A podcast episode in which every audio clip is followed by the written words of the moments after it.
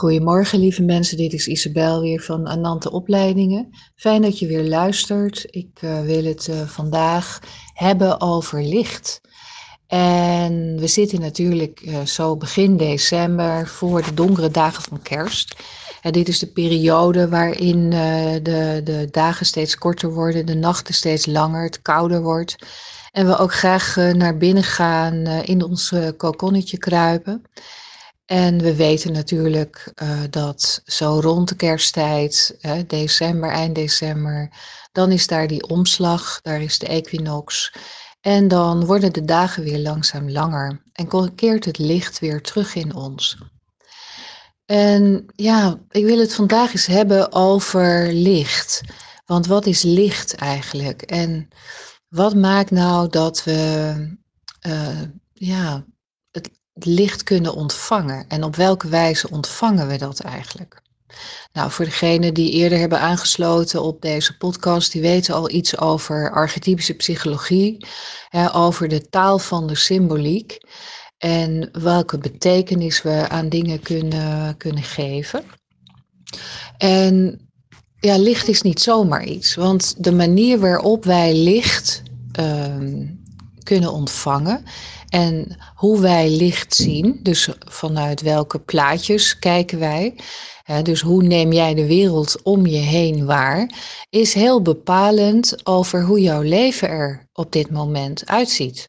En dat ga ik natuurlijk uitleggen. En, uh, want licht is in feite neutraal.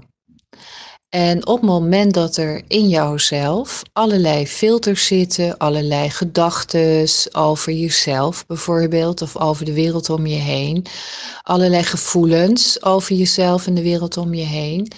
Uh, als je het gevoel hebt dat het leven een straf is, of dat, dat je niet gelukkig bent, of dat, dat je hè, dat. Um, ja, dat jij altijd degene bent die hard moet werken voor dingen om dingen voor elkaar te krijgen. Dus al je overtuigingen, maar ook al je verwachtingen zijn heel bepalend over hoe jij het licht ontvangt.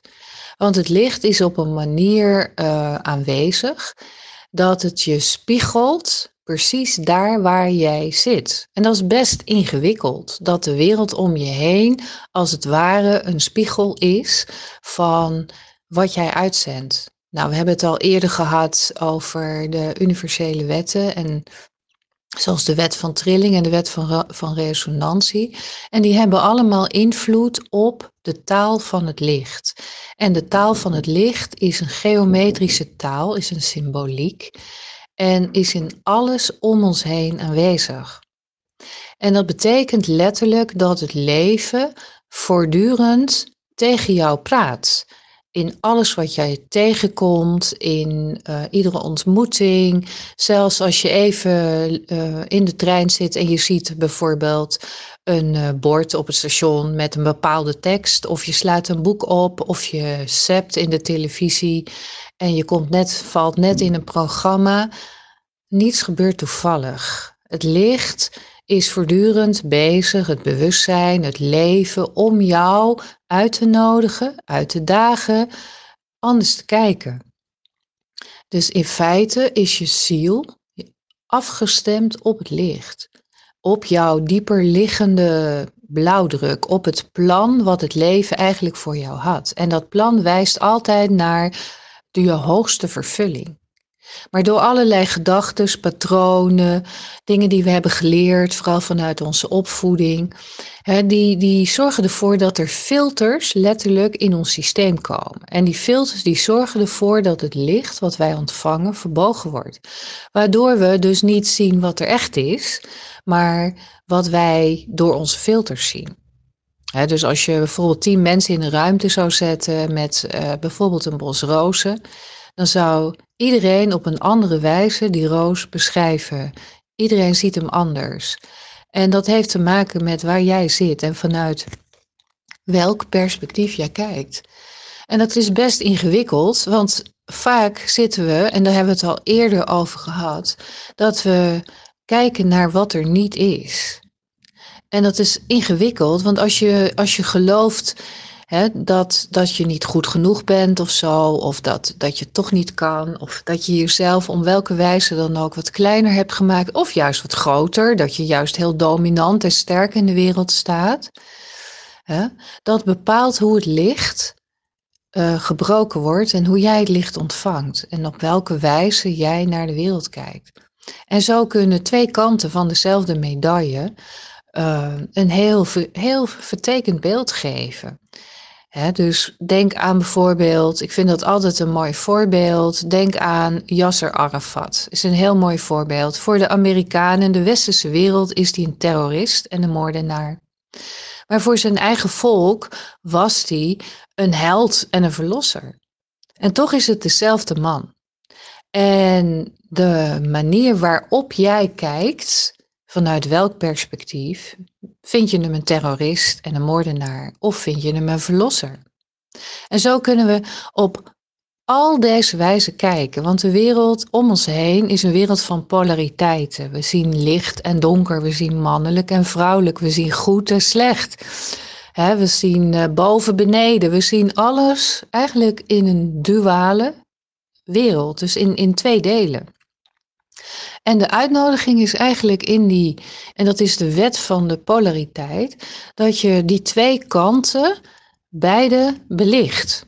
Waardoor je zelf in het midden uitkomt. Waardoor je, als je die twee kanten, het is eigenlijk het hele plaatje kunt zien, dat je uh, die gulden middenweg kunt gaan kiezen. Dat je vanuit je hart leert kijken om te zien van hé, hey, maar er is ook nog een andere kant aan dit verhaal en dat is soms heel ingewikkeld als we het over uh, oorlogen hebben, als we het over situaties in de wereld hebben die heel grimmig zijn, verraad, uh, um, misbruik, uh, noem het maar. Dan is het heel ingewikkeld om dan ook nog naar die andere kant te kijken.